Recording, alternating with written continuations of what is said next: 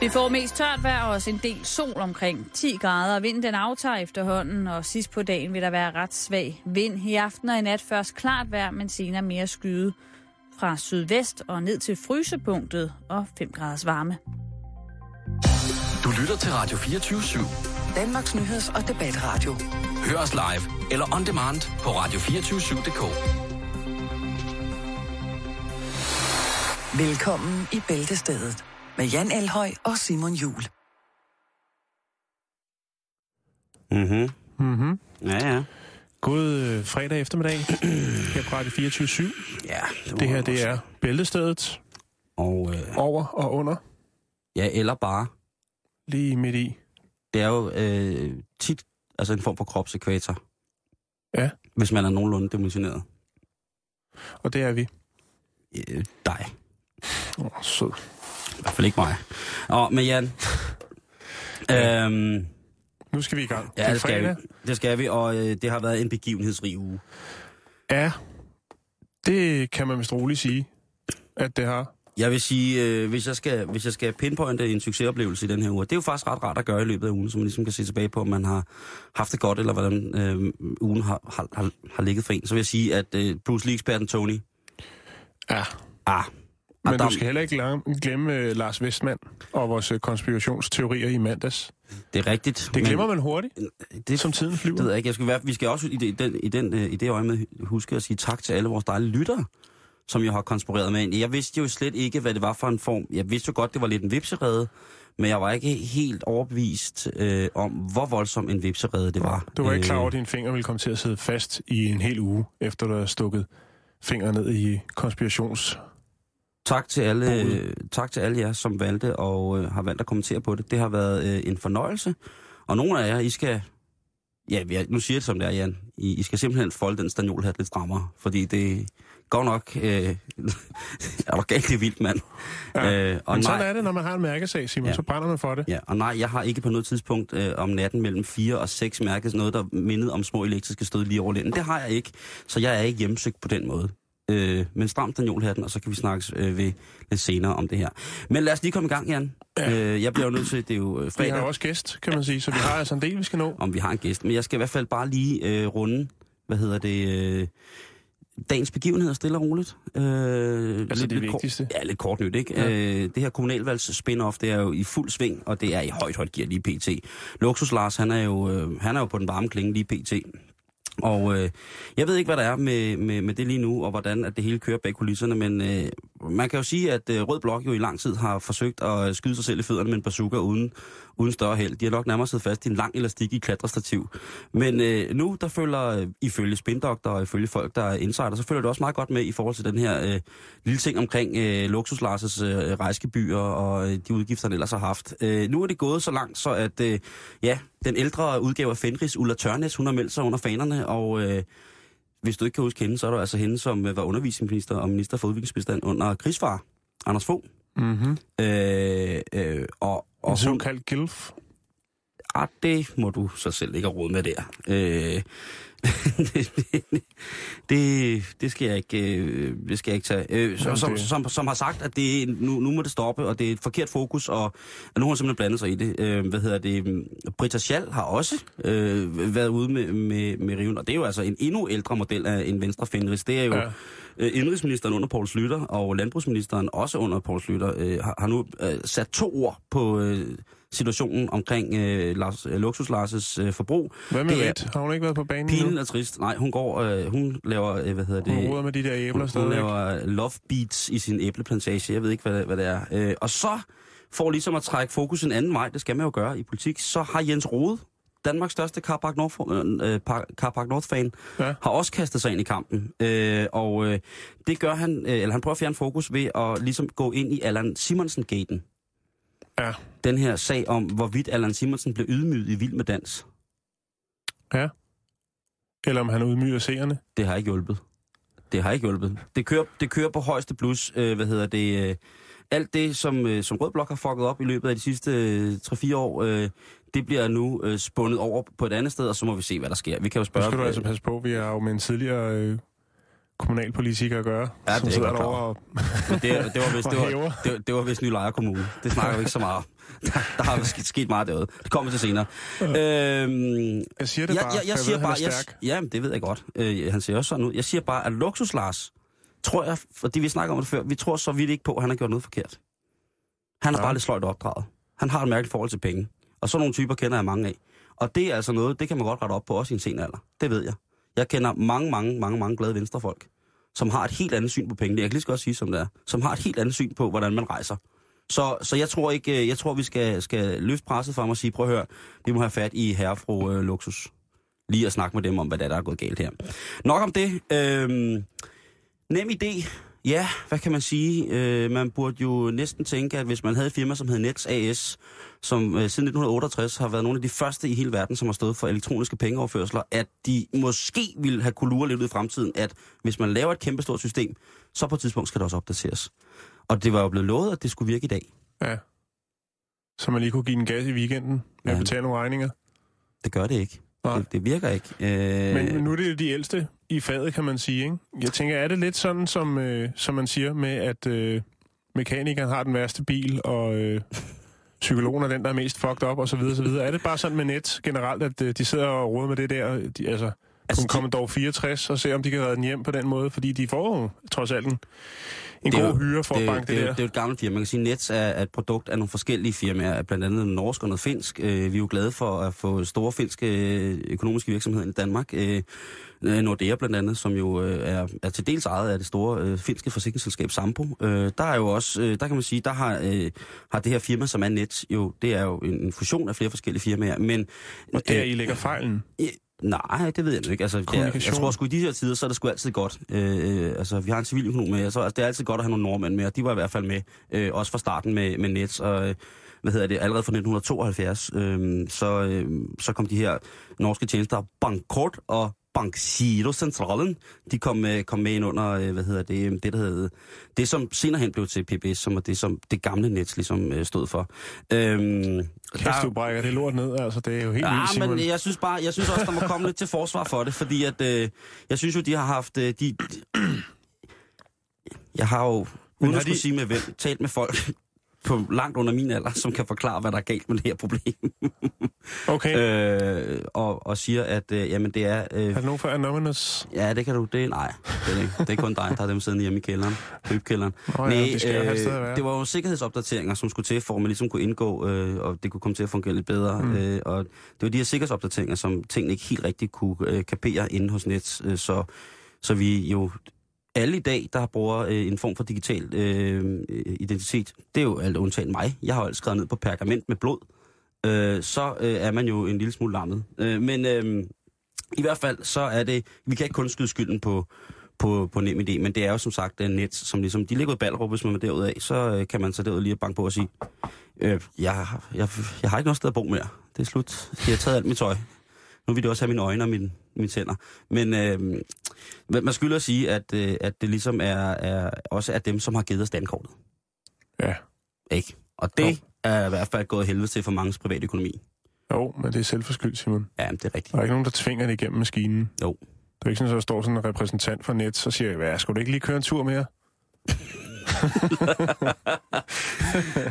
øh, og det er stort set det, øh, der er sket øh, i, på forsiden i dag. Altså, øh, men Men lad ja, os der se. var lige en enkelt sag mere, men den behøver vi ikke at snakke om, hvis vi snakker smørbrødsaviser, ikke? Åh oh, ja, okay, det der med, at rockerne underviser børn i karate. Mm. Ja, uha. Men der har vi jo snakket om, at det er jo egentlig, altså det er jo et forkert ordvalg, men det er jo det, der sælger aviser. Der kunne lige så godt have stået motorcykelentusiaster, underviser rockere, eller Ja. ja. Eller underviser børn i karate. folk med, styr, folk med styrthjelm, styrthjelmsallergi underviser børn i, øh, i gammel japansk kampsystem, men det var der ikke plads til. Nej, Øh, men lad os se, øh, Venstre de påstår jo, at der øh, efter weekenden, øh, efter eventuelt bilags fremlæggelse, vil være ro på tingene, og øh, Nets, øh, jamen de kan snart rende og skide. Simon, Øh. vi har været der, vi skal videre. Jamen jeg besnaler, taler snart kun i læder og perler. Jeg gider ikke det her. Nej. Jeg kan ikke, øh, det, det bliver for mig, det bliver, det bliver alt, alt, alt, alt for meget. Du lytter til Bæltestedet på Radio 24 /7. Simon, før vi skal sige, øh, eller skal vi gøre det nu? Ej, lad os lige sige velkommen. Ja. Ja. Vi har en gæst i studiet i dag, og jeg vil sige, det er en af de bedst klædte øh, gæster, vi har haft i lang, lang tid. Den. Simon. vil jeg sige. Den bedst klædte. Det... Det er anstandsmæssigt. Nu skal jeg bare lige se. Kan du sige noget derovre, gæst? Det kan jeg godt. Hej. Er den er der ikke helt. Simon? En gang til. Ah, Simon. Du har ikke styr på Det teknikken. er, hvis du prøver at banke på den derovre, kan du lige banke på den der? Den er der Kan du øh, smutte derovre? Flotte fyr. øhm, jeg skal ikke, hvad der sker herovre. Ah, så er det der. også. Ja, Så sker der noget. Nu, ved jeg, nu sker der noget. Det er i hvert fald Simon, der sidder bag teknikken, kan man sige. Hej. Det er det i hvert fald, og det fungerer fuldstændig lige så øh, godt, som det altid skal. Altså er det bare mine tekniske evner, som øh, står for fald igen. Velkommen til, øh, Jens. Tak, Simon. Rungsted. Hvor er det godt mm. at se jer. I Ja, lige måde. Og Det, jeg synes altså, at det er helt forkert i den grad at underkende, hvor godt I faktisk også ser ud. Skjorter begge to, velfriserede, Det er faktisk bare fordi, det er flotte, fredag. flotte repræsentanter på, for, hvad skal man sige, det der engang var den håbefulde danske ungdom. Jeg, ja, det, og det er dejligt at se jer igen. tak, Jamen, i lige måde, Tak, i lige måde. Og tusind tak, fordi du komme. Selvfølgelig. Øh, Jens, du skal lige blive hængende. Vi har lige et hængeparti, der handler om nogle stylter. Det kan være, du kan hjælpe os. Ja. Har du selv haft stylter nogensinde? Nej, nej, ikke selv. Det, det, det har jeg. Altså, Du lånte altså, I, I lover mig, at det skulle være et pænt program, men hvis vi straks dy- dykker ned i alle de her forfærdelige ting fra min barndom, så synes jeg, at øh, jeg er den, der er gået. Men jeg stylter, nej, det var i min børnehave, kan jeg huske. Jeg synes, det var sådan noget, man hurtigt mistede interessen for. Ja. Ja. Ja, kun ikke. Måske også, fordi man var en af de højeste. Jeg ved det ikke. Du har været, du har været 81 for på tag. Stylterne var for korte. Hvad hedder det? Jamen, jeg, jeg har haft stylter. Jeg kan huske, vi havde stylter i vores sommerhus. Mm. Nu sidder folk og tænker, hvorfor snakker vi om stylter? Og det gør vi, Blandt fordi... mig, ja. Øh, ja, det er fordi, vi har et program, Jens. øh, programindslag, som hedder Hvad blev der af dem? Hvor vi koncentrerer os om, hvad blev der egentlig af dem? Og er det egentlig okay, at de er forsvundet, og, el- eller skal de tilbage igen? Der er jo, det er jo de mest åndssvage ting, der får, får deres renaissance, ikke? Det er jo klart, klart. øh, Det handlede om rav i sidste uge. Sidste uge Der handler var om... nogen, der synes, der ikke var nok husmøder, der gik med rav i forhold til, hvordan det var i 70'erne og Den 80'erne. Marstrand i næste uge, ja, det er jo mange. Det tør jeg simpelthen ikke. Så jeg, jeg vil hellere holde, holde rockertafel på fire forskellige sider, end jeg vil invitere Dan Marstrand i studiet. Hvad skete der med de rockere, der underviste i mindfulness? Hvor blev de af? De sidder og spjælder. Hvad hedder det? Øhm, øh, nej, og så det her, der kommer vi til at tale om, hvad fanden blev der stylter, fordi netop som du siger, i, i fritidshjemmet og sådan nogle ting, og, sager, og i børnehaven, der så man jo de her øh, sådan rundstokke, hvor der var sat et stykke trekantet træ på, ikke? Mhm. Øh, og så kunne man ellers øh, stave rundt og slå tænderne ud på hinanden med dem. Jeg har personligt aldrig heller. Øh, og det var ikke, fordi jeg var den højeste, men det er jo, fordi jeg er fuldstændig motorikspasser. Så jeg har aldrig prøvet det. Men øh, vi, vi snakkede om, øh, om det her med, hvad der egentlig blev af, af, af, af, af stylterne. Jeg tænker, jeg lige øh, skal Vi læse knækker op. ned. Jeg vil lige, jeg vil lige brække noget ned for, hvad der står om, om stylter. Fordi det er der, der begynder det faktisk allerede at blive en lille smule hyggeligt, og ikke særlig rart øh, at tænke. Der står, stylter er et gangredskab bestående af to høje stokke, hver med en eller to klodser i den nederste ende til fodfæste, mens den øverste ende fastholdes i armhulen eller med hænderne. Nu kommer det. Nu, er der, nu har der siddet en stylteentusiast inde hos, øh, hos den store danske, øh, hos Gyldendal, ikke?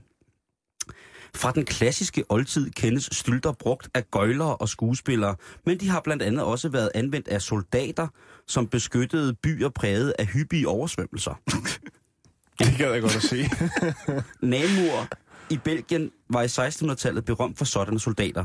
Siden middelalderen har, Styltesoldater. ja, ja. siden middelalderen har stylterne været brugt som legetøj til børn samt ved ceremonier og optog. Ja, eller bare tvangsgøjl på et strøg, for eksempel. Mm. Hvor der kommer en eller anden hen på stylter og laver et eller andet rigtig, rigtig sjovt. Og bare følger efter en resten af dagen. Forestil dig det her i forsvaret. Der har alligevel været nogle år, ikke også? Stylter M62. Det var, altså, det er også, altså, fjenden har jo været forvirret, ikke? Er det en gøjlertrup, der kommer, eller er det rent faktisk soldater? Det er faktisk meget godt tænkt. Og så har man overblikket. Altså, alt efter, hvor høje en stylter er, selvfølgelig. Ja, er det i virkeligheden billigere at udlevere altså, gummistøvler også, hvis, hvis det var oversvømmelser, der var, jeg ved det ikke. Ja, yeah. Jo, det, tørre sko. Gå ved, om der er gummisluder, om der er stylter til salg på en blå avis. Det er sådan der, et- der kan er jeg rigtig love. mange. Nu skal du passe på, hvad du siger, du, for jeg kan godt lige fortælle dig her, hvad der er til salg på, på, en, på en blå avis. Og det er ikke småting, og det er... Dengang, der tror jeg, man kunne købe stylter i, i legetøjsbutikker og sådan mm-hmm. ting, og sager. Øh, ellers så blev man så til at lave dem selv af sådan nogle Ja, kæmpe børn må store... ikke lege, øh, bruge stylter mere, for de kan få splinter i fingrene. Ja, u- og det har man så gjort, øh, gjort op med, den her komplikation, ved at lave stylter, som man så spænder fast på sine fødder, Ligesom rulleskøjter, men i stedet for dødbringende hjul, så er der en lang spids pind nedenunder. Og det hedder, hold nu fast, det dyreste, fineste mærke, Rolls-Royce-mærket til børn, hedder Actoy. Og der skal vi altså af med et par sylter, som kan bruges for størrelserne øh, 30 op til 36, øh, 1650 kroner for et par stylter.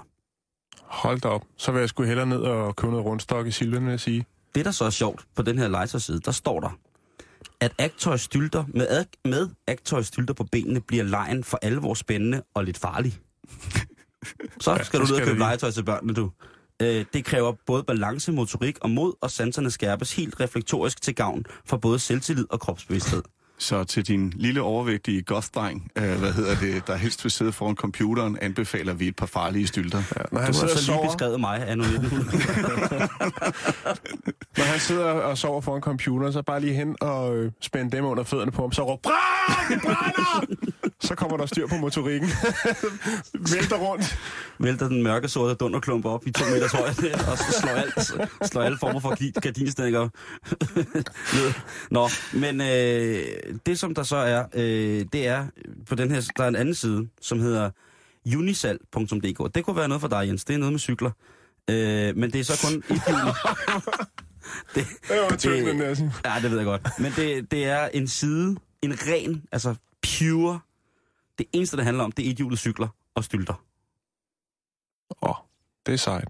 Jeg er Ja. god til at køre på et hjulet cykel. Det skulle du da ikke sige Kan i det? radioen. Ja, ja. Seriøst? Det skal Ja. du da heller ikke beundre ham for i radioen, Jamen, det, synes jeg- det skal du slet ikke blande dig i, Jan. Det vil jeg gerne anerkende dig for. Jeg synes, det er sejt, det der Jo, med, tak. med, med ethjulet cykel der. det er- det, det er- skaber også, jeg er meget visuelt tænkt, det skaber Ja. nogle helt fantastiske billeder Ja. inde i mit hoved. Jo, altså det Altså- altså, med sadel. nu, hvad for, nu det? forestiller jeg mig bare jer to, ikke? Anerkende hinanden over en idiotcykel. Nå, men der kan man altså, øh, der kan man få det, der hedder flight jumpers, som er kængurustylter, man separat spænder på hvert ben. Okay, det lyder rimelig farligt. Tak for kaffe. Og der er hverken skridt eller mundbeskytter med til det her. Eller Må jeg lige sige noget til det med kængurustylterne? Som, Ja. som dreng øh, havde en god ven, der hed Ask. Og øh, vi havde en idé om, vi godt kunne tænke os at lave noget, hvor man kunne hoppe. Øhm, så vi eksperimenterede med at tage nogle øh, gamle gummisko øh, og spænde den fast med sådan nogle øh, øh, spændremme, sådan nogle metalspændremme, brugt til vandrør eller sådan noget andet, øh, på sådan nogle fjeder fra en bil. for at lave de sindssygste hoppesko. Efter at have set den der, hed den Flopper, eller hvad den hed, den hvor der, de har sådan, puttet sådan noget gummi på en eller anden, nogle basketspillere og en bil, og så flyver det og hopper og sådan noget. Åh, vi må lave et eller andet sindssygt. Det er Robin Williams. Åh oh, ja, den Williams. der. Jamen, den findes også i en sort-hvid udgave, som var den, jeg så. Jeg var meget gammel, Simon. Altså den hedder Fluffer. Dengang var, var livet sort-hvidt. Okay, ja. Ja. Øhm, det var en lille sidebemærkning. Vi kommer aldrig ud at hoppe, og Nej. det er jeg ret glad for, fordi ellers havde jeg sgu nok ikke haft nogen ankler i dag. Men øh, Det er jo sådan været lidt dobbelttydigt at så spørge, hvor er Ask i dag? det ved jeg Hvor ikke. gode var de sko, og hvor langt fløj? Ask var faktisk øh, barnebarn. barnebarn, lidt længere uden barnebarn til Niels Bohr. Øh, jo, men jeg ved ikke, hvor jeg skal. Ja, så er det sgu gået ned ad baksiden, vil jeg sige, hvis han spænder fjeder og bilfjeder under en sko siden et spor. Jamen, Nå, prøv, jeg, kunne, jeg kunne blive ved. Der, er- Nå, vi, skal, nogle- vi skal lige rundt den her stylter af, fordi Ja. ja. øh, nu ved jeg, der sidder alle mulige elvilde mennesker ude foran højsenderen og tænker, hvordan fanden får jeg fat på stylter, som ikke koster 1000 kroner. Mm. Og det gør du, øh, har jeg meget, meget, meget, meget fint fundet ud af, ved at øh, selv lave dem. Og der har jeg øh, kigget på, hvad det koster at erhverve sig cirka 4 meter rundstok. Man skal, øh, kan save op i cirka 2 gange 2 meter, og så sætte nogle træklodser på. Og der kan du altså for cirka for under 300 kroner Så er man kørende. det er uden, det er uden løn. Men der kan du, altså- så er du altså godt kørende. så kan du blive, øh, så kan du blive rimelig meget højere. Det ligger også bedre med en, en lægte frem for en rundstok, når man skal montere de her, man står på. Det er rigtigt. Men et lægte er måske... øh, Jeg var ude i at tænke bare 4 gange 4 ikke? Ja, ja. Og så sætte, øh, og så sætte sådan nogle ordentlige træklodser på os. Men så var jeg jo inde og kigge, der findes jo hjemmesider. Gud forbyder, at det findes, men det gør der, hvor at der bliver lavet opskrifter, man kan printe ud på stylter og anden form for hjemmelavet legetøj. Det ene selvmord til børn efter det andet bliver der fremstillet, som man bare kan printe, Jens. Det er skrækkeligt. Men, Må, øh, øh, må jeg lige sige noget? Ja. Øh, jeg vil bare lige sige, at øh, jeg gik lige på nettet, øh, og fritidshjemmet Storegårdsvej øh, i Brøndshøj, der er det simpelthen Nea, der har den øh, rekorden dernede på at gå på stylter. Hun har Siger- gået i 2 timer og 45 minutter. du sagde ikke lige, det var nære, der havde rekorden. Nej, hun hedder Nea. Nå, okay. Fordi ellers så, så var jeg gået ud af programmet. Øh, men så har jeg lige en anden en, Simon. Øh, den, 12, den 12. marts, ikke? 1891, der gik øh, Sylvian Demon fra, øh, fra Frankrig, altså han gik fra Paris til Moskva på stylter. Det tog 58 dage. Den er sgu god her på CV'et, ikke? Og hvad har du erfaring? Ja, hvad, hvad har du erfaring? Nå, Nej, det, undskyld. det, det, det er ikke. Men vi skal, vi skal om, i den grad videre med programmet, og øh, Ja. vi har besøg af Jens Ormestad her i Bæltestedet. Ja, det er slagtermesteren her med en servicemeddelelse til alle centrets handlende, og det er alle centrets handlende. Uanfægtet af religion, køn, seksualitet eller anden former for åndelige orienteringer. Jeg vil bare lige sige, det er godt nok. Det er det sgu. Det er godt nok det hele, du. Det er sådan, vi ruller her, bitches. Skål. Ja, ja. Tak, til, tak til Centerslagteren her. Nu skal vi i gang. Det skal vi. Øh, jeg synes, vi skal starte øh, fra starten af. Jens Rummelstad, vi har, du var faktisk den første, der nogensinde bookede mig og Simon til øh, at komme ud sammen med dig og underholde. Jamen, det var faktisk ikke klar over, at jeg var Nå. på den måde var den første, men jeg kan huske det meget tydeligt. Ja, vi, øh, vi havde gang i noget, der hed Mujaffa, øh, hvor vi havde lavet noget, vi havde lavet et spil øh, på DR's hjemmeside, og så. Ja. havde vi øh, en, en, en rap-sang kørende, og så havde vi taget noget klædeudtøj på, og var Mujaffa hans fucking fætter. Og så kontaktede du os. Vi Wow. skulle til Herning. Yes. Jeg kan ikke huske, hvad jobbet gik ud på. Det var, øh, der var nogle søde mennesker derovre, der havde øh, betalt mig en god del for at være vært på en MC-messe, faktisk, hvor jeg skulle være, hvor der Det var var, sådan, nogle aktiviteter på en, en, en scene, og, øh, og det, det gav jeg den i dengang. Og så, så tænkte jeg faktisk på, hvad man kunne finde på at lave, og, og der brugte jeg den indgangsvinkel, hvem ville nok være den type i Danmark eller i verden, der ville have sværest ved at forstå det fede ved at køre på motorcykel. Mm-hmm. Og så kom jeg faktisk af den vej til at tænke på Mujaffa. og dermed jer. Og øh, altså, hold op, hvor var det sjovt, mand. Ja, det var, vi, vi, jeg kan huske, vi brugte meget tid på at finde øh, en, der havde sådan en BMW 320, som vi kunne komme kørende ind øh, i den der hal på. hvor vi, jeg kan ikke huske, om vi sad ovenpå den, Nå, vi, eller hvad gjorde, ja, vi gjorde det uanmeldt. Det var sådan, at, at øh, der skulle være sådan en stor trækning op på scenen der, og så det var sådan en total øh, myldosagtig job på den måde. øhm, og så øh, og så midt under det hele havde vi så aftalt, at jeg på et, et, et, sådan et hemmeligt signal, så var der en gut, der åbnede en rulleport. Det er rigtigt, Og så ja. startede Ja, I ja, ja. BMW'en og med hornet i bund, og så øh, faktisk med microports på, så alle kunne høre, at vi er højtaleranlægget. Så jeg sagde, åh, flut jo, man, hvad fanden laver I her? Pizzakonference? Og, og, Det kan jeg godt og, hvor huske. jeg, og hvor jeg så over højtaleranlægget kaldt for security, fordi der var kommet nogle ballade med jer ind. Og det var meget sjovt, der stod omkring sådan 800 mennesker der, tror jeg, eller sådan et eller andet, og de stod alle sammen og tænkte, hvad, hvad skal vi ryge op og hjælpe, eller hvad sker der? og så op på scenen, og hvor Vi vi, var så forholdsvis havde... ukendte på det tidspunkt, ja. kan man jo sige. Ikke for mig, jeg var stor, stor fan. altså, jeg er jo stadigvæk. Øh, jeg synes, det var simpelthen så sjovt. Og så kørte vi så op på, på scenen, hvor vi, hvor vi havde nogle rigtig gode diskussioner om det fede at køre på motorcykel. Ikke? Og det var, Og jeg og kan det var huske, faktisk, huske din karakter, Simon, sagde på et tidspunkt, hvor, hvor, hvor, hvor fanden sidder ha- handskerummet hen? og så grinede folk jo helt vildt, og så siger de, der er sgu da ikke noget handskerum på. Åh, hvor har du så dine kondomer? Jeg tror, at det var og du der, blev kaldt og, Spider, Jens. ja, du, ja, det er rigtigt. og jeg tror også, det var der, at øh, Jan opfandt udtrykket selvmord med styr. Om, Ja. omkring motorcykel. Og I kaldte alle motorcykelsangsudstatterne, dem kaldte I for pizzabud. Nej, ja. det var starten. Det var starten, ja. Og der er løbet øh, heldigvis rigtig, rigtig meget vand under, øh, under broen. Og det skal vi øh, bruge et øh, lille stykke tid på at snakke om her. øh, jeg skal først lige bare for at statuere, Jens. Øh, hvorfra i verden er du? Det er vigtigt for mig. Det er vigtigt for vores lytter. Jamen, jeg er halvt dansk, halvt norsk. Min far er nordmand, min, min mor er dansk. Hvad hedder det? Jeg er opvokset nede på Lolland, i, Mm. Nyst, i Nysted. Født i Rødovre oprindeligt, og bor nu i Gævninge mellem øh, Roskilde og Holbæk. Det kunne ikke være mere præcist, vil jeg sige. Så det, det er sådan, sådan lidt geo, geografit trivia til dig, som jeg lige brækker ned der. Det er, det er jeg sgu glad for, at du gjorde. Det er vigtigt for mig, at, øh, at I har det godt ude i, øh, ude i dig og familien, godt ude på Midtjylland. Absolut. Der ligger mit hjerte jo også øh, dybt begravet øh, på, på mange punkter. Øh, også med halvnorsk far, ikke? eller med norsk far. Der mødes vi også. Ja, der kan I også Man kan nok ja. bedre se det på dig, end man kan det på mig. Lad os bare sige det på det. Jeg kan huske det første møde, vi havde, hvor vi skulle diskutere om det der over i Herning. Det var første gang, hvor jeg mødte dig rigtigt. Og så mødtes vi på en café ude på Østerbrogade. Det var lige åbnet. Og så skulle vi bede om noget at drikke, og der kom sådan lidt sådan lidt usikker øh, ung øh, kvindelig tjener ned. Og jeg skulle have noget kaffe, og det tror jeg også, Jan skulle have. Jeg har nok skulle have te, jo. Te, ja, var det, ja, det kan være. Men det, jeg så husker, det var, at du råbte hende ind i hovedet. Har du snaps? Det var dengang, undskyld, Simon. undskyld, hvis du ligger derude stadig og er medicineret. Undskyld, undskyld, undskyld. øhm, men Ja, vi skal jo lige... Øh, folk kender dig jo fra alt det her, eller for, for den første omgang uh, reality-tv. Ja. Øhm, Robinson i 98. ja, Robinson præcis. i 98, du. Men der var jo heldigvis også øh, en, øh, en Jens før Robinson 98. Hvad gik du og rode med, øh, før at øh, lige inden du kom med i, øh, i Robinson? Jamen, jeg havde haft en, øh, en, en periode, hvor jeg havde mine egne firmaer. Jeg havde et øh, her i København blandt andet, som jeg så solgte. Og øh, så stod jeg der, og vidste ikke rigtig lige, hvad, hvad jeg så skulle, skulle gøre. Så var der en kammerat, der, øh, der ringede til mig og spurgte, om jeg ikke kunne tænke mig at være folkeskolelærervikar for, det, for at, og, øh, at dygtiggøre mig i sådan en formidling. Jeg vil rigtig gerne arbejde med teambuilding og organisationsudvikling osv., mm. men var ikke særlig trænet i at stille mig op foran mennesker på den måde. Så jeg startede i, i sådan nogle gode, beskyttede, synes jeg, omgivelser nede i Greve på Dagmagerskolen dernede i et halvt år, hvorefter jeg så rykkede over og blev handelsskolelærer.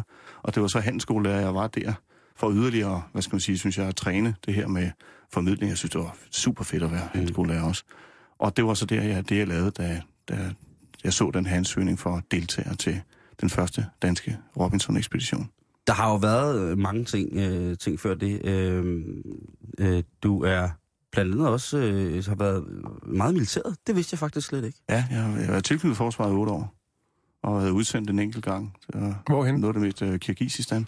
Hvor- Under Enduring Freedom, det var i Kirgisistan, det var der, hvor vi havde alle øh, vores Fighting Falcons, øh, altså F-16-flyene, og sammen med de franske Mirage-fly og, og de amerikanske Hornets, og så var vi på en base dernede med, med 5.000 troops, og, og der stod vi så på bevogtningen og, af den her base her, antiterror, anti-intel og øh, patruljering rundt om, om basens areal. Sejt. Det var så, så, fantastisk. så du, er, du er flyvåbensmand? Ja, lige præcis. Eller var. Om, er, er man ikke stadig? Nej, altså jeg var tilknyttet den her reaktionsstyrke, men det er jeg ikke mere. Nej, Det okay. lovede dengang, jeg blev gift med Karen, så skulle vi stoppe med det. Så, så nok, nok med det. Ja. Okay. Så nok med det. 98, så øh, melder du til, til det her. Øhm, men altså, nu har jeg jo lige brugt to minutter på at sætte mig ind i det, ikke? Det tog ikke længere tid. Det vil jeg gerne anerkende dig for. Skal du op med de anerkendelser der. Først var det en ethjulet cykel. ja. Hvad hedder det? Men, men, men Jens havde jo en plan, ikke? Jo. I 98. Kan du prøve at fortælle, hvad, hvad, det, hvad det gik ud på? Altså det der med at komme med, og ligesom, hvad var? Jeg vil ikke kalde det et scam, men du havde da sådan en, en overordnet plan for ligesom, hvad det var, det skulle.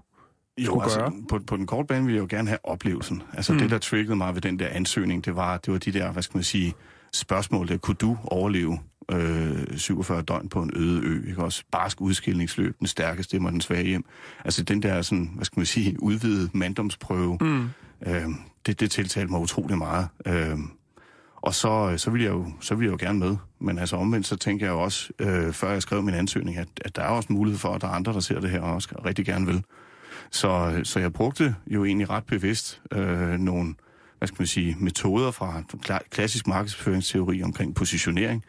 Øh, sige med, altså min ansøgning, den skal jo gerne vække en eller anden form for øh, interesse. Man kunne henvise til den her AIDA-model, Attention, Interest, Demand and Action. Øhm, og hvis jeg skriver den her meget polerede, nu har jeg som HR-chef også set sindssygt mange ansøgninger i virkeligheden i min karriere, og det er jo overraskende, hvor uinspireret mange af dem i virkeligheden er. At man mm. er den her, har den her typisk danske grå indgangsvinkel, hvor man nødt vil træde ud af, af geledet og sige jamen, goddag og undskyld, og i det jeg henviser til jeres annonce i Jyllandsposten af den og den dato, mm. ikke? Altså allerede der så daler interessen jo. Ja. Så jeg kiggede på mig selv, øh, så kritisk som jeg nu synes, at jeg havde lyst til, og tænkte, at der er sgu nok ikke rigtig nogen, der har lyst til at tage en, en handelsskolelærer fra, fra Ishøj, der, der kommer med den største kliché af dem andre om, at øh, jeg savner nogle udfordringer, og jeg vil gerne bryde nogle grænser. Ikke? Ja, ja. Så, så jeg tænkte, hvad skulle være, hvad skulle være mit, øh, hvad skulle være det, der skabte en opmærksomhed? Hvad skulle være min positionering i forhold til andre potentielle kandidater? Så der ikke bare var endnu en i bunken. Ja, præcis. Mm. Øhm, og og det, det første, jeg tænkte på i virkeligheden, det var, at jeg spillede noget musik dengang, ikke? Om det kunne være sådan med guitar og så videre. Men der er Rock Jens. rock punk Jens. Øh, hvad hedder det? Men der er altid sådan en, øh, der er altid en rigtig musiker med hestehale og læderbukser, ikke? Og der, der må man se sig slået. Det næste, jeg tænkte på, det var lidt, at jeg faktisk også kan, kan lide øh, at, at fiske, for eksempel, når jeg en sjældent gang har tid til det. Det er jo sådan noget med overlevelse. Fisker Jens. Det, det kunne jo også være det næste, ikke? Men det, det tænker jeg heller ikke var det. Det var faktisk først i tredje forsøg, jeg kom til at tænke, du har sgu også den der gamle Harley til at stå. Mm. Og jeg kørte i et gammelt, altså sådan værkstedsfællesskab, stille og rolige gutter. Altså, øh, vi havde ikke rygmærker, vi, det tror vi ikke, vi havde ærmemærker. Men vi havde det simpelthen så hyggeligt, at vi havde nogle kanonefester, ja, noget i den retning. Øhm, og så var det så, at jeg skrev en, en art trusselbrev i stedet for en ansøgning, og så vedlagde et billede, hvor jeg simpelthen lignede død eller kris. Altså et længe inden, at Sidney Lees arbejdstøj og profilbeklædning var opfundet, så stod jeg i den der med læderbukser og et bæltespænde på størrelse med en dyb tallerken og bandana, og for jeg bagefter også kunne sige, at det her det var altså en joke, så havde jeg en 9 mm pistol af trap siddende i bæltet. Og det billede fik jeg så taget, hvor jeg stod foran den her Harley der. Og så på bagsiden af billedet skrev jeg så Jens Romunstad, handelsskolelærer. Det er sgu meget godt udtænkt, det der. Øh, Jeg har taget den lige, Ja. lige på stedet. Men det gjorde Ja. ja. de så også. Lige på Har du stedet. brugt det billede til andre ansøgninger? Det kunne, være, det kunne være meget godt, ellers hvis, hvis det havde hængt som månedens medarbejder. Ja, du vidste jo, det virkede, så hvorfor ikke prøve igen? Jeg tror, Øh. det kan være i virkeligheden, at det er måske nogle af de gange steder, hvis jeg har søgt et job, at det har været det billede, de har set. Måske. Ja, og det kunne godt være lidt et problem, eller hvad? Altså, hvis det, har- jeg tænker, der var ma- mange, der har haft en idé om, hvordan du var, fordi at, at hvad kan man sige, den måde, du agerede på, at, altså, det satte sig jo fast hos folk jo. Jeg vil sige, du er jo den, der, altså, i hvert fald på det tidspunkt, den, der gør sig mest markant af reality-stjerner, ikke? Altså, det er der, der ligesom får det største afsæt og laver tv-programmer og sådan noget bagefter, ikke? Altså, Ja, var det, var det, være. blev det et problem for dig, at, altså, at være biker, Jens? Blev du træt af det? Ja, helt sikkert. Øh, omvendt har det skal, altså, jeg tror også, det er sådan meget moderne, at man skal gå ind og så tage afstand fra, hvad man har lavet af, af reality-tv. Det har jeg Mm. ikke i sinde, fordi jeg har fået en, øh, en masse fantastiske oplevelser. Altså, det siger næsten sig selv. Jeg har tjent rigtig gode penge på det. Ja, du Det rejste jo rundt i hele verden og lavede Ja, ja, ja, programmer. Fantastiske programmer. Jamen, jamen tusind tak. Hvor du fik Hvad- lov til at køre på motorcykel. Ja, det er måske ikke dem alle sammen, jeg synes ligefrem, at jeg synes er fantastiske, men, men i hvert fald så, så Jeg synes tænker jeg, på jeg dine det. biker-programmer, hvor du kørte rundt i USA og Australien. Det, det var da... Det, ja, de programmer, jeg bedst kan lide faktisk, udover det over USA, det var den programserie, som jeg tror ikke, der var så mange, der så desværre, der hed Liv på grænsen. Det synes jeg var, Ja. ja. det var rigtig fedt at lave, altså. Jeg var du blandt andet var med hjemløse i USA. Ja, lige præcis. Ja. Levede på, på gaden der i Washington D.C. Altså, det var nogle kæmpe, kæmpe mm. oplevelser, som jeg, som jeg altid vil have med mig. Altså. Så, så det, det synes jeg er super, men, men omvendt så er det jo også klart, at når man så bliver profileret for noget, og man bliver eksponeret for noget, så, så er det jo så også, at der kommer en automatisk stigmatisering af, at det er sådan, man er. Ja. Og her Ja. tænker jeg jo netop også i forhold til jer to. Og med Jeg kan sagtens følge dig. Jamen, jeg kan sagtens følge dig. du rammer mig lige på mit noget at ømme snakke- punkt. Der har vi noget at snakke om. Ikke? det. Det, det, og man har det jo tit sådan, at øh, jeg kan jo til, i dag stadig godt blive spurgt om, hvor er øh, Kenneth. Mm. De råber alt, hvad de kan. Hej Kim, hvor er Kenneth? Mm. Og øh, Der er jo faktisk folk stadig, der tror, at jeg rent faktisk hedder Kenneth. de ved ikke, det kun er dit mellemnavn. Øh, og det er jo selvfølgelig, altså, det er jo det, det er jo det, der er lidt en balance, eller det er det, jeg synes, der er svært ved det, det det der med, at folk gør det jo egentlig for at anerkende dig for det, du har lavet, ikke? Jo. Men man kan også selv have fået nok af det, altså, og de gør det jo ikke af en ond mening, Nej. men, men man har selv sådan, altså, du har fået nok biker Jens, øh, Ja, men det, det, har, jeg Agtigt, 100, det har jeg 100 procent. Altså, det, man skal jo sige, men, men omvendt så... det er jo ikke noget, de gør for at genere dig, jo. det er jo Nej, fordi, de ja, godt kan lide præcis. det, det, du har lavet, og, altså, og det er jo det, der lidt er sådan en, altså, det der med, at man skal give udtryk for, at man egentlig, altså tak, men, men nej tak. Jeg har også et efternavn. nu, med hensyn til din karakter, Kenneth der, ikke? Altså, øhm, min tidligere chef, Jesper Lien, der var koncerndirektør for hele Coop. Mm. Hvad hedder det? En af de største erhvervsledere i hele Danmark overhovedet. Ham og jeg, vi havde de sygeste grineflæt. Faktisk ofte, jeg nu kunne forestille mig, at den scene med Sally og Anders Fransen ude på den der golfbane, hvor I bøvser helt vildt. Ja.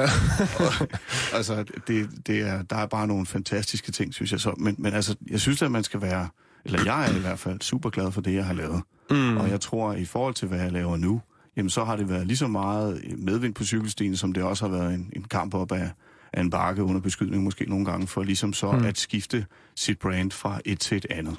Det kunne være, du lige skulle over for lytterne skulle præcisere, hvad det rent faktisk er, du øh, foretager dig af, fordi det har jo ikke særlig meget med det, som Bakker Jens han foretog sig, kan man sige, at gøre. Nej, jeg er salgsdirektør i, i Fakta, Fakta Q. Fakta Q. Ja. Wow. Ja, Ah, men det er... Øh, det er godt gået. Du Jeg har, men, men, men jeg vil også sige, øh, du har været meget målrettet hele tiden. Ekstremt målrettet. Altså, fordi man kan sige, at i 2005, tror jeg det er, der siger du ligesom, øh, tak for øh, medieopmærksomheden. Øh, nu øh, har jeg nogle andre ting, jeg godt vil prøve af i mit liv. Og det tænker jeg på, Øh, nu er det jo så populært med coaches, så jeg tænkte på, om du ikke kunne blive sådan en reality coach, fordi jeg synes, der er rimelig mange af dem, man ser på fjernsyn i dag, der godt kunne have brug for. er der nogen, der fortæller dem, øh, at øh, ja, tak for den gang. Det er faktisk blevet brugt til. Er det det? Ja, øh, da den, da den første øh, Big Brother, øh, den kørte, Mm. så, øh, så var det jo det var det helt store dengang. Og da, da deltagerne kom ud af det her Big Brother-hus, så var deres liv, deres rammer, deres, deres omverden var jo ændret fuldstændig, fordi deres, altså deres position, deres, deres brand, andres syn på en var flyttet sig fuldstændig, øh, for, i, i stort Mm. omfang i hvert fald. Ikke? Det var, var det Jill, der vandt der? Ja, det var, Dildo ja, det var Jill. ja, lige præcis. Mm. Og der kan jeg huske, der var en, der kom ud, som, som var, var rigtig, rigtig ked af det, hvor at, øh, at øh, psykologerne, ligesom, jamen, de, de har jo nogle, nogle værktøjer, der givetvis er meget for, men jeg har aldrig rigtig været i den situation selv. Øh, så der, der kom vedkommende ud til, til mig der, hvor jeg boede ude på Amager dengang, og jeg kan huske, at jeg tænkte, om det er super, siger, nu du sætter noget kaffe over, ikke? Og, og han kom ind og var et stort rystende nervevrag, en super fin fyr, der slet ikke noget med det. Så jeg siger, ved du hvad, nu kan du slappe fuldstændig af. Mm. Mm. Der sker ikke noget her, og nu er det kun dig og mig, der sidder og snakker, og, og så videre. Sæt dig i den her stol her. Det var en IKEA-klapstol, Jan. I det, han sætter sig tungt ned i den, går bunden ud af den, så, så han får et kæmpe chok, da han faktisk sidder fastklemt i den her metalramme, skrigende på gulvet der, ikke også, med, med kogende kaffe ud over sig. Det var ikke så vellykket. Okay. Øhm, Og han skulle betale for konsultationen. det, nej, alligevel. nej, nej, nej, det var helt, helt vederlagsfrit. Ja, ja, ja det, ved jeg, det ved jeg godt. men men, men, øh, men hvad, hvad tænker du om den der reality-scene i dag, som jo er noget fuldstændig andet? Men hvad, hvad, hvad tænker du om det? Om den måde, det ligesom foregår på i dag? Jamen, jeg er ret uinteresseret i det. Ja. Egentlig fordi, at jeg synes, at det har mistet sin charme, og jeg synes, det har... Jeg synes, det bliver for meget tænkeri i, hvordan får vi seertal frem for, hvordan arbejder vi egentlig etisk på en eller anden måde som, som tv-station. Mm. Det er jo ikke særlig populært, og det, det kan også lynhurtigt blive sådan en eller anden form for kliché, at man, når man har beskæftiget sig med noget og ikke gør det længere, så skal man vrænge det, man engang gjorde. Ja. Det er slet ikke sådan, jeg ser det. Nej. Altså, jeg har været med på to Robinson-ekspeditioner, og synes, at det egentlig er et okay empirisk grundlag. Uh, og så ligesom sige, at første gang, der var der et, et, et hensyn, synes jeg, der var, en, der var det okay, at man kunne have et, en episode, hvor at den endte med, at deltagerne sad og var gode venner rundt om et bål, Mm. uh, og der var noget happy feeling, hvor at det så bare få år uh, senere, altså der er det jo, der er der hele tiden kunstigt, øh, men planlagt lagt de her konflikter ind, så der aldrig nogensinde er en si- situation af Mm. konsensus, fordi at man jo så har se- selvfølgelig lavet de her share øh, og minute-by-minute ratings, hvor man siger, jamen Mm. mm. der, hvor konfliktniveauet det stiger, det er jo der, hvor vi fastholder seerne eller Mm. tiltrækker flere. Altså en af de observationer, jeg har gjort for eksempel i, øh, nu der har været Big Brother sidste år, tror jeg det var, og så sad jeg og tænkte på, hvordan det var. Øhm, Jan var en af de ni, der så det. Ja. Ej, men jeg skulle bare lige se, fordi det, der, jeg ved, at øh, budgettet der, det, der har været røde tal. Øh, det har været en stor satsning for den tv-station. Så jeg tænkte, hvorfor? Jeg synes ligesom, det havde været der. Mm. Agtigt, ikke? Øhm, det jeg vil frem til, nu skal jeg lige fange tråden igen, nu tabte jeg den. Jo, det var det der med, at øh, i det gamle Big Brother, dengang det var der, hvor der var sindssygt mange, der så det, Ja. der var der de der, sådan, øh, hvad skal man sige, naturlige konflikter. Men det virker lidt i det nye, som om, at øh, nej, nu bliver det sgu for kedeligt. Øh, så sender vi lige noget mere sprut ind, og så skal der nok komme nogle konflikter. Ja. Og det virker egentlig lidt, som om det er det, man gør i rigtig mange reality-programmer i dag. Øh, hvis det er, at øh, der ikke er smæk nok nede på Sunny Beach, jamen, så får de lige fri barkort mere, så skal der sgu nok ske et eller andet. Ja. Agtigt, ikke? Men det er jo det, som Jens også påpeger, at, at Mm. det moralske og etiske kompas i forhold til, hvordan man eksekverer og sætter folk i stævne i et tv-program, det er jo, det er jo forsvundet. Det mm. findes ikke mere. Der er, Ikke der, genre, der, man kan sige, øh, nu, nu har- nu har vi Big Brother som, som skoleeksempel her, øh, at øh, den kanal Big Brother blev sendt på, jamen der kan folk løbe nøgne rundt og knalde hinanden, ikke? men man må satan med ikke sige fuck før efter klokken Nej, det er 6, vel? Og så bliver, og der, der, der, tænker jeg, der tænker jeg, hvor, der, uh, der kunne man måske godt justere lidt, det, fordi det bliver, det bliver lidt misvisende, synes jeg, ja. i, i forhold til, hvad det er. Men også, at Men det er, jo, det er jo nogle helt enkelte øh, broadcast, øh, broadcast-regler, så vidt jeg ved, fordi de sender fra England, og Hvis jeg skal- må hvis- man ikke øh, bande. Altså, hvis jeg skal lægge hovedet helt på blokken, det, ja. det vil jeg jo sådan set gerne i forhold til det her, så synes jeg, det virker som om, at de mennesker, som producerer de her tv-serier, de trigger aller, allermest på folk, som til at starte med øh, har det dårligt med dem selv og er psykisk ustabile.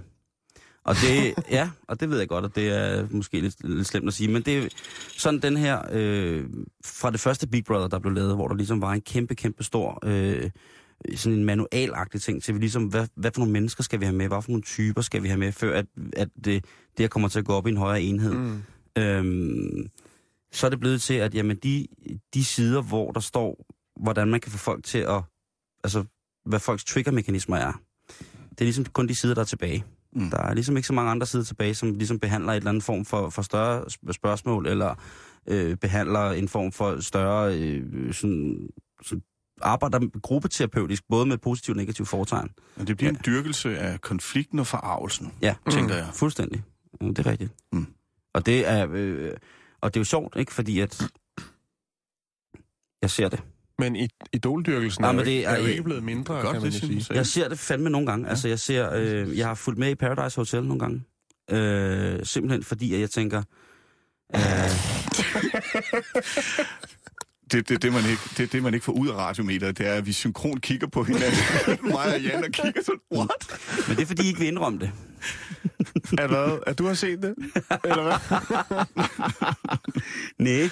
Øh, men jeg har fulgt med i det, fordi jeg synes, at det er... øh, er Spændende eksperiment. nej, det, det kan jo også hurtigt blive den der lidt øh, pseudo-intellektuelle afstandstagen fra, at nej, vi kan jo aldrig finde ud af det. kan da også være fint at, at sidde og slappe af til sådan et... Jeg, jeg så Ja, her den, bare, den det, anden det er bare aften. underholdning, ikke? Det er dem der, der blev, der blev gift der ved første øh, blik der, ikke også? Mm. Det, det så jeg da sammen med, med Karen her den anden mm. aften der, ikke? Altså, og det synes jeg egentlig er faktisk også ret interessant, øh, mm. kan være, fordi at det... Øh, at, at der er nogle, nogle andre indgangsvinkler positioner, som ligesom beskriver, hvad der foregår i det program. Mm. Så det, det synes jeg faktisk er interessant. Mm. Øh, men men det, er jo, det er jo et paradoks, det her, at kalde det reality. Fordi det er det jo ikke. Nej, det er det i den grad. Konstrueret, er du sindssyg. Det er ikke en reality. Der mm. står hele tiden uden for det billede, og det ved I jo, og det ved jeg, Mm. og det burde folk alle vide i virkeligheden. Så står der mm. en tilrettelægger og siger, hvad nu hvis? Ja. Mm. Hvad vil du normalt gøre? Hmm, ja. Jeg ser skuffet ud, fordi det lyder Mm. ikke spændende nok. Og så foreslår jeg så, hmm, kunne man forestille dig, at du gjorde sådan og sådan? Mm. Jamen, det er rigtigt. Der er mange mennesker, som måske efter det her program øh, har regnet den ud. Øh, men øh, jeg tænker, nu har jeg, nu, nu, når vi har siddet og når jeg har siddet og set det her, jeg har siddet, siddet i nogle forskellige råd omkring tv, radio og sådan nogle ting, og så hvad man skal med etik og sådan nogle ting, og så hvor jeg, at da, i forhold til reality, da der kom et program, der hed Kongerne af, af Rømø, eller Ja, sådan noget, lige ja, præcis. eller Marienløst, tror jeg det hed. Ja, der har været øh, tre Så sæsoner. også Ja. Rømø. Mm. Ja. Der er der Øh. Og sidste gang var det Det Svendborg. sjovt. Det har jeg set noget af. Ja. Der, øh, Men det er jo samme problemstilling der, Jens. Jeg har Det så også dybt været der, ikke? Han, han tog de bedste klip derfra. Ja, ikke? indtil han Ja. ikke måtte mere. Men jo, altså, det er jo problemstillingen. men der blev jeg faktisk glad. Øh, der blev, der blev jeg glad, både som, som producer og skuespiller og alt muligt, jeg glad, fordi jeg tænker, nu har vi noget nulpunktet, nu kan det satanede kun gå fremad. Mm. Og det brugte som, som argument, da jeg sagde til nogle af de, øh, de mennesker, som jeg sad i råd sammen med forskellige steder, sagde, jeg ved hvad, tusind tak for nu. Fordi nu har jeg ikke mere at gøre, øh, jeg har, og jeg har simpelthen ikke kræfter til at bygge noget op igen. Øh, nu har vi diskuteret det her i så og så mange år, og vi har været så så glade for det. Øh, og de, de diskussioner, fordi der er tydeligvis ikke sket noget, fordi at ofte så er det de kommercielle tv-stationer, som laver de mest utrære ting, øh, fordi det kan generere, det må du vide noget om, Jens, ikke? De kan jo, det kan generere noget salg, at man får nogle hurtige, man får nogle hurtige seere i nogle bestemte slots. Øh, og så tænker jeg, da jeg har set det program, de, de, jeg giver det altid fem afsnit, ikke? Mm. Set fem afsnit af det der øh, Kongerne af, af Marienløst, eller hvad det hedder, der tænkte jeg, Gud bevar Danmark. Nu starter vi fra nul. Hvor er det dog rart. Mm. Det, altså, der tænker jeg, det, du ved, vi har trukket, blevet trukket rundt i manisen med Korsand, med hans øh, tykke mødre, eller hvad det hedder, og øh, jeg ved snart ikke hvad, øh, blinde, altså, jamen altså, hvad har vi? Og der tænker jeg, Men man skal heller ikke gøre det til mere end det er. Det er jo for fanden bare underholdning på en eller anden plan, eller hvad? øh, det der bliver set mest af, kan man sige. Mm. Det er jo måske det, der er mest skræmmende, eller hvad? Ja, det ved jeg ikke. Det, jeg, synes, øh, jeg synes, det er på nogle punkter godt at datter, men man bliver bare nødt til at være med til at... Altså, så skal man finde ud af, hvad- der skal bruges til et eller andet sted. Ja, altså jeg, jeg vil også, jeg skal sige, jeg vil holde mig, jeg har min smag. Altså, Ja. det, det som øh, Det er præcis. engang, Dan Tyrell, han sagde, det eneste vi kan, vi kan diskutere, det er smag. Og det må man jo give ham ret i. Og vi har jo Mm. alle vores forskellige forudsætninger for at se de for, øh, programmer, der er. Mm. Og jeg, jeg er også mere sådan indrettet, at, at hvis folk gerne vil se noget, jamen så må det jo også være godt på en eller anden måde. At man skal ikke, ikke, ikke have den der distance til det på den måde. Og, Nej, nej. men, men jeg har min holdning til det i hvert fald. Det er Mm. der, hvor jeg synes måske, at man bør være mere opmærksom, end, end man, man, hvad jeg tror, man er. Det er hensynet til de deltagere, som man logger ind i de her koncepter her. Mm. Det er lynhurtigt en identitetsmæssig glidebane, som kan låse deltagere fast i en eller anden form for, hvad skal man sige, tankespind omkring, hvem er jeg nu, efter jeg har været med i sådan et program her. Mm. Øhm, jeg tror, mange de melder sig i troen på, at man kan blive en eller anden form for øh, ombejlet stjerne, men, det- men det er jo i virkeligheden også en, en myte, kan man sige, at fordi man har været med i et reality show, øh, så bliver man landskendt, og man får den helt store tur, og, og så videre, og så videre, ikke? Jo. Øhm, altså, hvor, hvor mange af vi må, må, må efterhånden på nationalplan nærme os mange hundrede reality-deltagere mm. i forskellige koncepter, når vi tager helt tilbage fra Robinson, 71 grader nord, Villa Medusa, og hvad de hed helt fra starten af mm. og til nu. Altså hundredvis. Hvor Og mange kan man huske, der har, der har vundet X-Factor? Ja, ikke? Og så, jeg og så hvad er ja. det, hvor, hvor gavnligt er det, at vi husker dem for noget som helst, hvis det Mm. også er, at man har været ude i et eller andet, ikke? Altså, Jo. Det er sjovt at tænke på, ikke? Fordi nu sad jeg og tænkte på, øh, jeg sad og snakkede med, med min kæreste om, hvem man kunne huske af, øh, hvad hedder det, øh, robinson deltager Mm. Øh, og der måtte vi jo, øh, eller sådan en øh, stor reality-stjerne i Danmark, ikke? Øh, og øh, der var vi ude i næsten at kunne fuldende startopstillingen øh, opstillingen for Robinson, øh, den du var med på, 98, var det det? ja, ja, ja. Ja. Og så flød det bare ud i... så Det kan jeg sgu ikke huske. Ah, var det ham der med... Ja, navn? Nej. Det...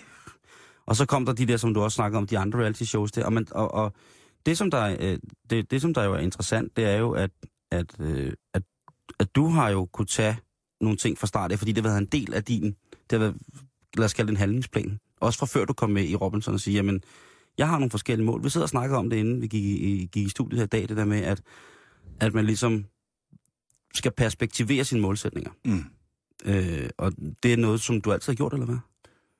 Jeg, jeg har i hvert fald gjort det i de sidste 10 år, og synes, det har givet mig rigtig, rigtig meget, eller 10-15 år. Mm. Øhm, jeg er meget styret af, af mine målsætninger. Ja. Jeg synes godt, at man kan kalde mig temmelig egoistisk, fordi jeg, jeg bruger på forhåbentlig en god måde, eller det er i hvert fald en god måde for mig, fordi jeg bruger rigtig meget tid på, når jeg har tiden til at, øh, at reflektere over, hvad det egentlig gerne jeg vil bruge mit liv til.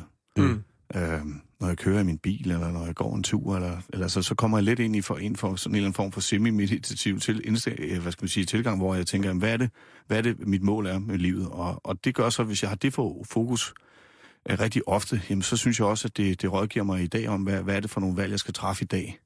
Øhm, og så synes jeg, at hvis man også opstiller nogle delmål, for eksempel, da jeg skulle flytte mit brand fra at være Biker Jens øh, i Danmark til at blive taget øh, seriøst. 2005? indenfor- Ja, dengang. Altså, Mm. så, så tænker jeg, jamen, så, så var det sådan set ret så var det meget overlagt, hvad, hvad jeg så, og sådan hurtigt kunne, hvad skal man sige, lave sådan reverse engineering og se, hvad er det så, det kræver af mig i dag, hvis jeg i fremtiden skal kunne blive taget øh, seriøst som en erhvervsleder, ikke?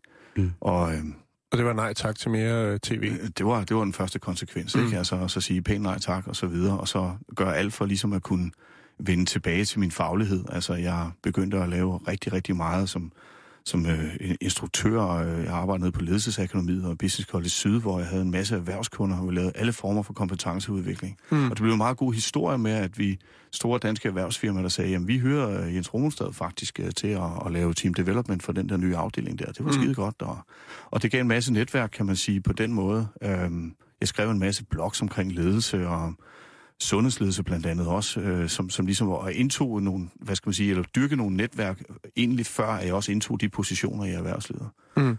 Og så har min karriere jo sådan set bare kørt. Øhm, og det, jeg presser mig selv rigtig, rigtig meget.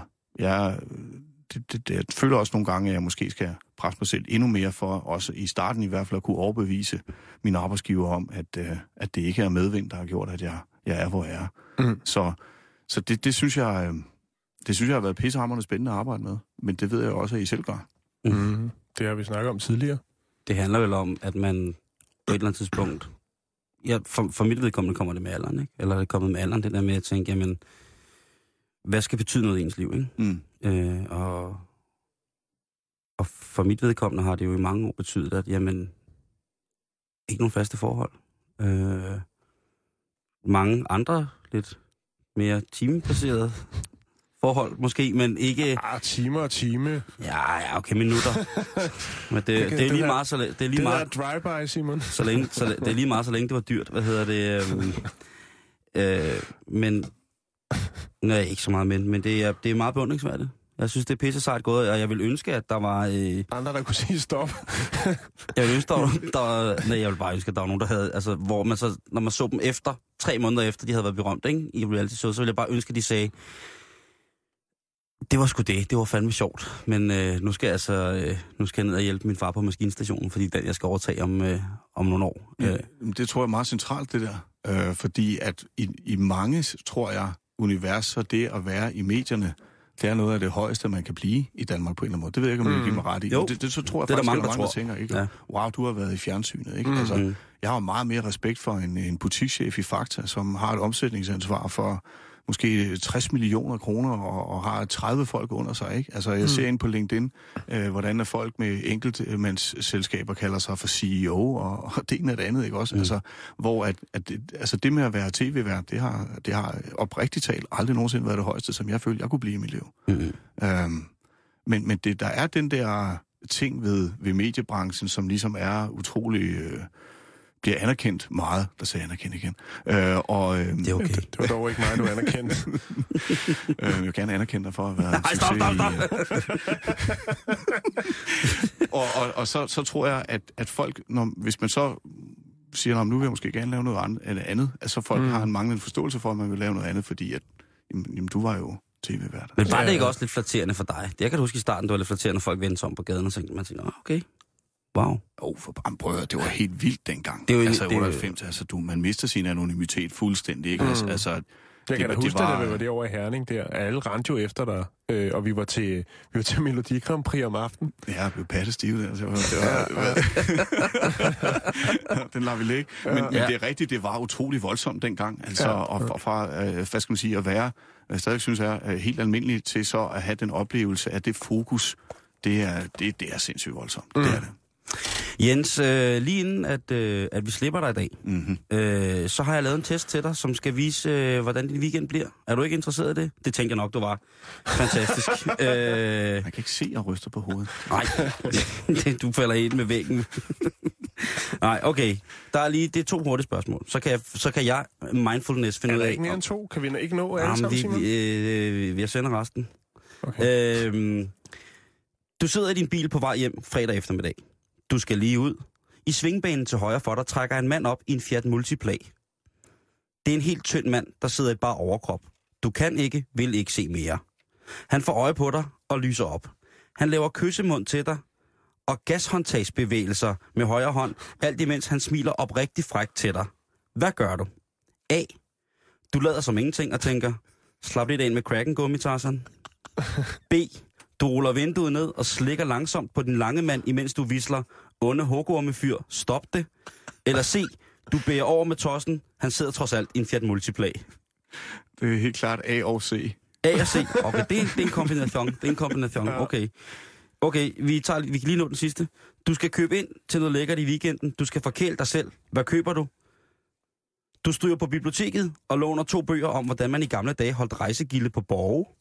B. Du køber en super lækker lædernederdel, som du tænker, jeg bliver en hammer man fox fra hoften og ned i det pis her. Eller C. Du køber en liter fløde og tænker, jeg går sgu ikke ned på fløde som i sidste weekend. Det bliver D. Jeg handler i Fakta Q. Pis, okay. Ja, den tænker. Jeg kan desværre se på det hele her, Jens, at øh, det får en skide pisse hammer lækker weekend. Oh, jeg håber det samme for dig, Kevin. Tak. Og øh, tusind, tusind tak, fordi du vil komme. Fedt at se jer. Ja, i lige måde. I lige måde. Det det var var- dejligt. Rigtig hyggeligt. Det Vi håber glæder jeg os til, at vi kan præsentere øh, programmet på Radio 24 der hedder Jens giver god råd til folk, der er gået ned, fordi de har været med i lorte fjernsyn. God weekend til dem også. Ja, lige præcis. Jan, tak for den her uge. Ja, vi ses igen på mandag. Det gør vi i hvert fald. Og hvis øh, du har noget at tilføje til os, jamen, så skal du være velkommen til at kontakte os på vores Facebook-side. Meget gerne. Den hedder facebook.com-bæltestedet, og det er i stedet for A, at du skriver AE, så det er jo B-A-L-stedet. Balte. Balte, balte, baltestedet. Øhm, billeder, historier, små videobider, alt er, er hjertens, hjertens velkommen. Hvis du har kommet ind i programmet her øh, lidt sent i det og tænker, hold kæft, hvor var det spændende. Øh, jeg slår nogen ihjel, hvis jeg kører resten. Så skal du gå ind på Radio 24 hjemmeside. Det er Radio 24 og det er R-A-D-I-O 24. Det er 24, og 7 med ord. Hold da op, du skal ud et par dag. Ja, men det synes jeg... Jeg tror du allerede, der er gang i fredagsbaren, siden du er så grundig? Det ved jeg ikke. Inde i mig er der i hvert fald gang i et eller andet. Ja, det er godt. Der er vi på podcast. Ha' en rigtig, rigtig god weekend, og pas på hinanden. Der er nyhederne. Klokken den er 15.